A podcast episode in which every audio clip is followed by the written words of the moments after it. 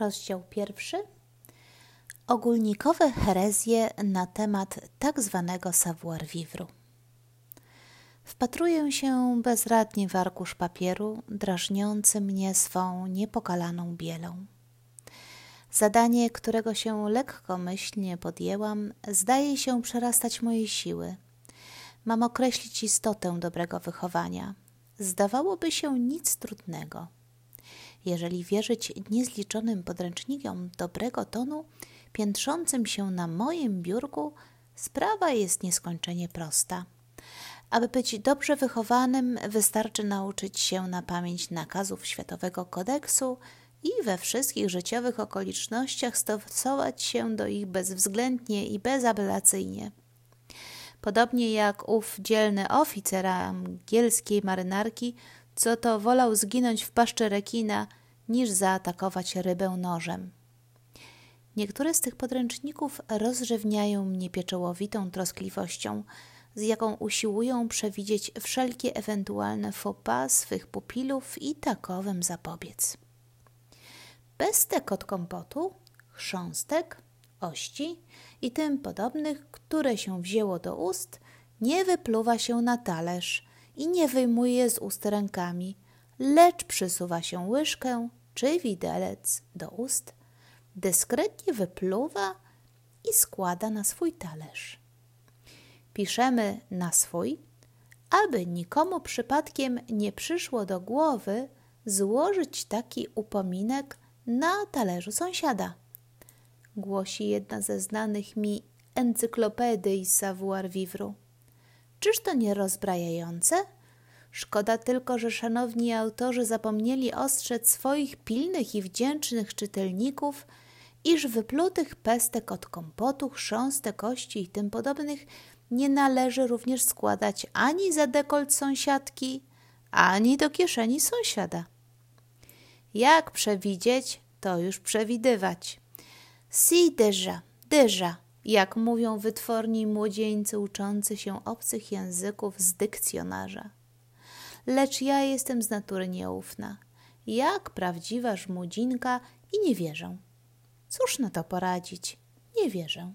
Aby ludziom najbardziej przewidującym udało się ułożyć kodeks bontonu uzbrajający na wszelkie ewentualności życiowe. Tyle mądrych głów biedziło się i biedzi nad kodeksami prawnymi państw, a wciąż znajdują się w tych prawach ogromne, zatrważające luki. Wciąż prosperuje i rozmnaża się rasa ludzi wyspecjalizowanych w obchodzeniu prawa.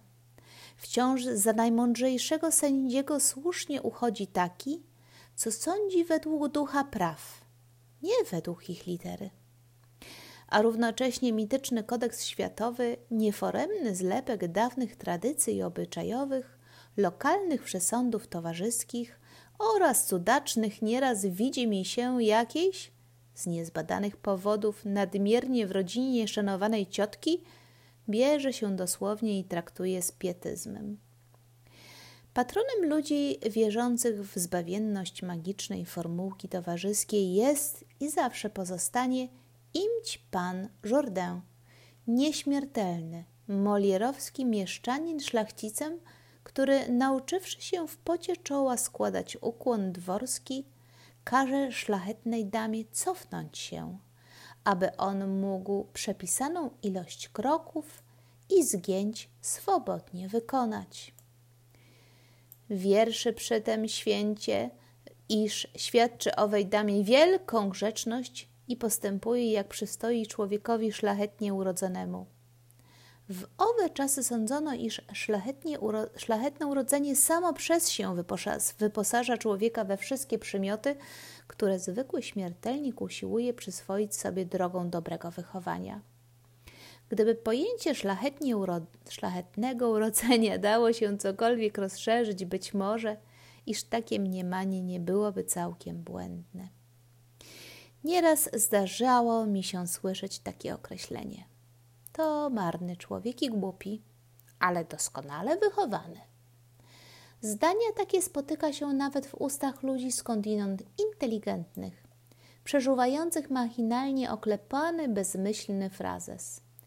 nie powtórzyliby go, gdyby nie byli zastanowili nad słów swoich treścią, bo przecie człowiek zły i głupi może być w najlepszym razie doskonale ułożonym, wytresowanym, czyli wyuczonym zewnętrznych form obejścia, jak szpat ludzkiej mowy. Kardynalną cechą człowieka dobrze wychowanego jest przede wszystkim delikatność. Rodzona siostra dobroci i szybkość orientacji, będąca zawsze owocem wygimnastykowanego umysłu i wrodzonej intuicji.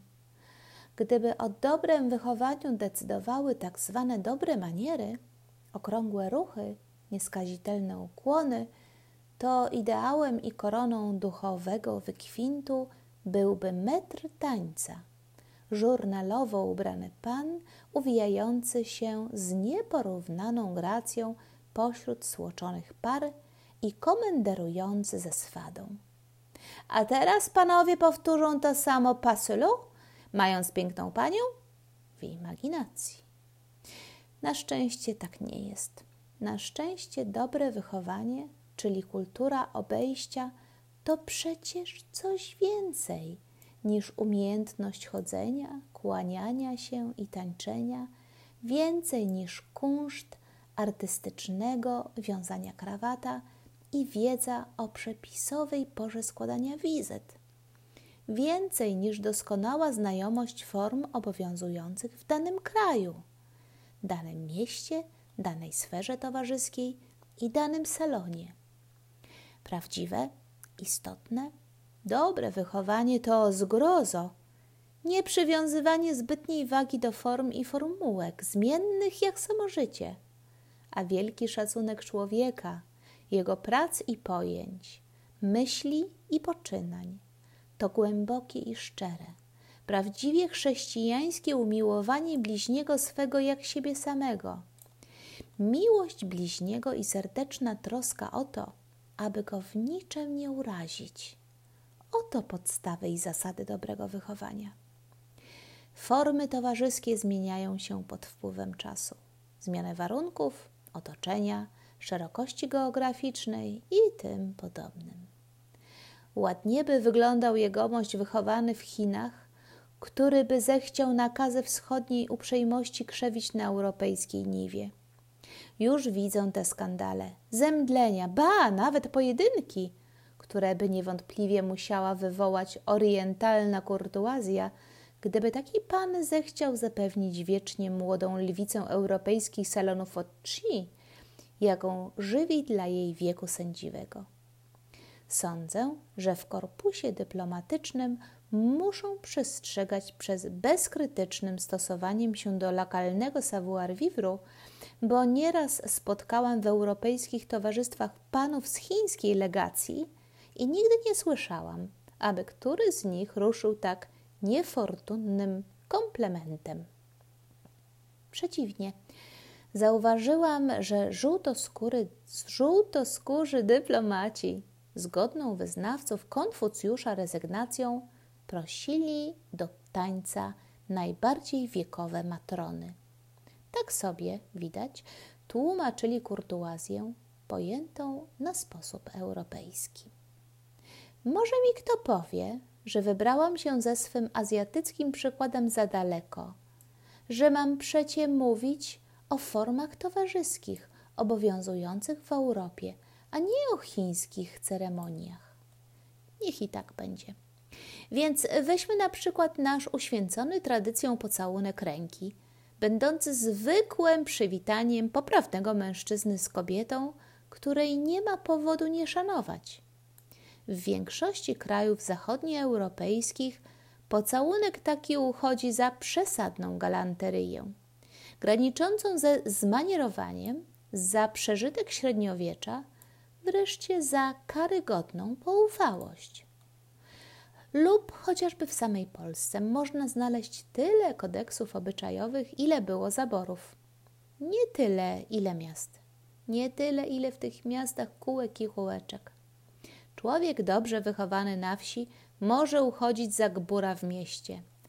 Kresowiec może swą serdeczną rubasznością urazić Galicjanina.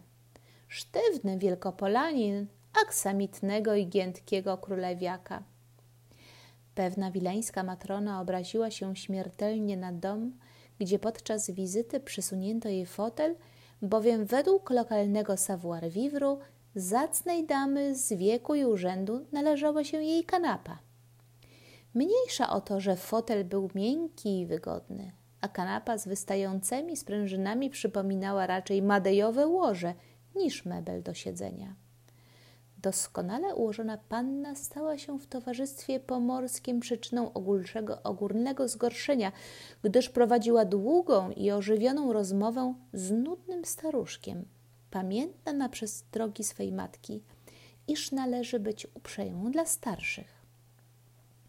Nie wiedziała, że w niektórych kołach społeczeństwa polskiego, wychowanego pod zaborem pruskim, dotąd pokutuje przeświadczenie, że swobodne obcowanie towarzyskie osobników płci odmiennej jest rzeczą wysoce niewłaściwą, niemal zdrożną.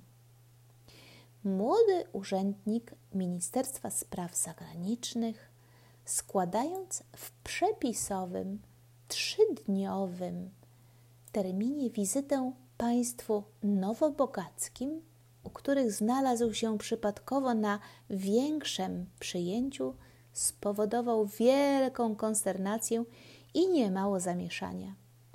Drzwi otworzyła mu sama pani domu w stroju cokolwiek niedbałym, a ujrzawszy gościa, umknęła, jak spłoszona nimfa, wołając: Och, przepraszam, myślałam, że to listonosz.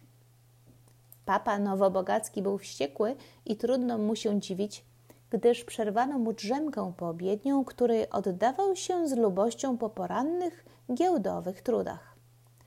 Panienki po półgodzinnym napięknianiu się i fryzowaniu zdążyły tylko uświetnić swą obecnością odwrót niewczesnego wizytatora, który upewniał w przedpokoju, że i tak bawił niezbyt długo, jak na pierwszą wizytę. I po co taki łazi? Zreasumował nie bez irytacji wrażenia zgromadzonej rodziny ziewający papa. Narobił ambarasu i rejwachu, mnie przeszkodził spać, matce sprzątać, dziewczętom iść do kina. I żeby się choć człowiek zdążył z nim rozgadać. Dopierośmy się wszyscy zeszli. A on łaps za kapelusz i powiada, że już za długo siedział.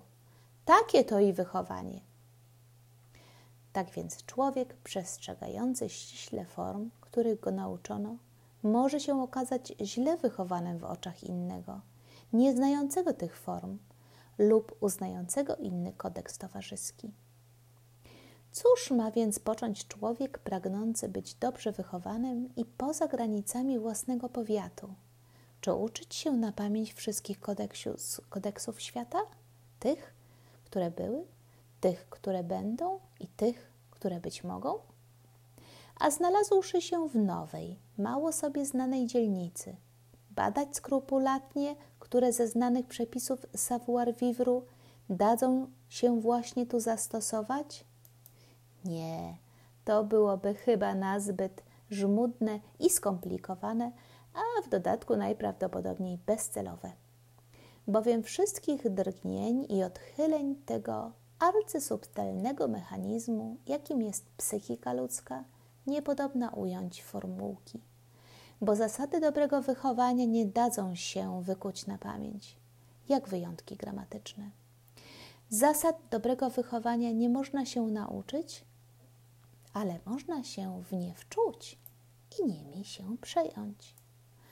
Kto chce dobrze wychować swe dzieci, powinien przede wszystkim rozwijać w nich i hodować szósty zmysł zwany taktem. Takt bywa u niektórych uprzywilejowanych jednostek rzeczą wrodzoną, lecz każdy człowiek obdarzony dobrym sercem i zdrowym rozsądkiem może go w sobie wyrobić. Człowiek taktowny potrafi właściwie się znaleźć wszędzie w londyńskim high life'ie i wśród dzikich ludów. Przedziwny zmysł taktu pouczy go o tym, jak ma postępować i przestrzeże przed tym, czego czynić nie należy. Człowiek taktowny nie wstydzi się swej niewiedzy i nie wzdraga się uznać własnych omyłek. znajdzie zawsze słowa właściwe, by przeprosić za nieznajomość miejscowych zwyczajów i poprosić o oznajmienie go z nimi. Człowiek taktowny i prawdziwie dobrze wychowany nigdy nie uzewnętrznia pogardy dla cudzych trady tradycji i wierzeń, choćby mu się wydawały śmiesznymi przesądami. Nie czyni tak ani przez fałsz, ani przez tchórzostwo, lecz dlatego, że szanuje każdą dobrą wiarę, każde dobre przekonanie i nade wszystko unika robienia bliźniemu przykrości. Usiłując wprowadzić nowe pojęcia i obyczaje, wystrzega się ośmieszania starych przez wzgląd na tych, których życie upłynęło w hołdowaniu tym błędom. Człowiek dobrze wychowany nie pogłębia różnic, nie jątrzy sporów, lecz usiłuje je zacierać i łagodzić. Nie znaczy to bynajmniej, aby człowiek dobrze wychowany miał nie mieć własnych, istotnych przekonań, głębokich umiłowań i wierzeń. Nie, tylko człowiek prawdziwie dobrze wychowany zawsze w imię treści potrafi przejść ponad formą. Nie uzależnia rzeczy ważnych od błahostek a dla własnych ideałów żywi część zbyt głęboką, aby przy lada okazji wybijać niemi zęby pierwszemu lepszemu przechodniowi. Człowiek prawdziwie dobrze wychowany jest odmianą ludzkości spotykaną. Niestety, zbyt rzadko.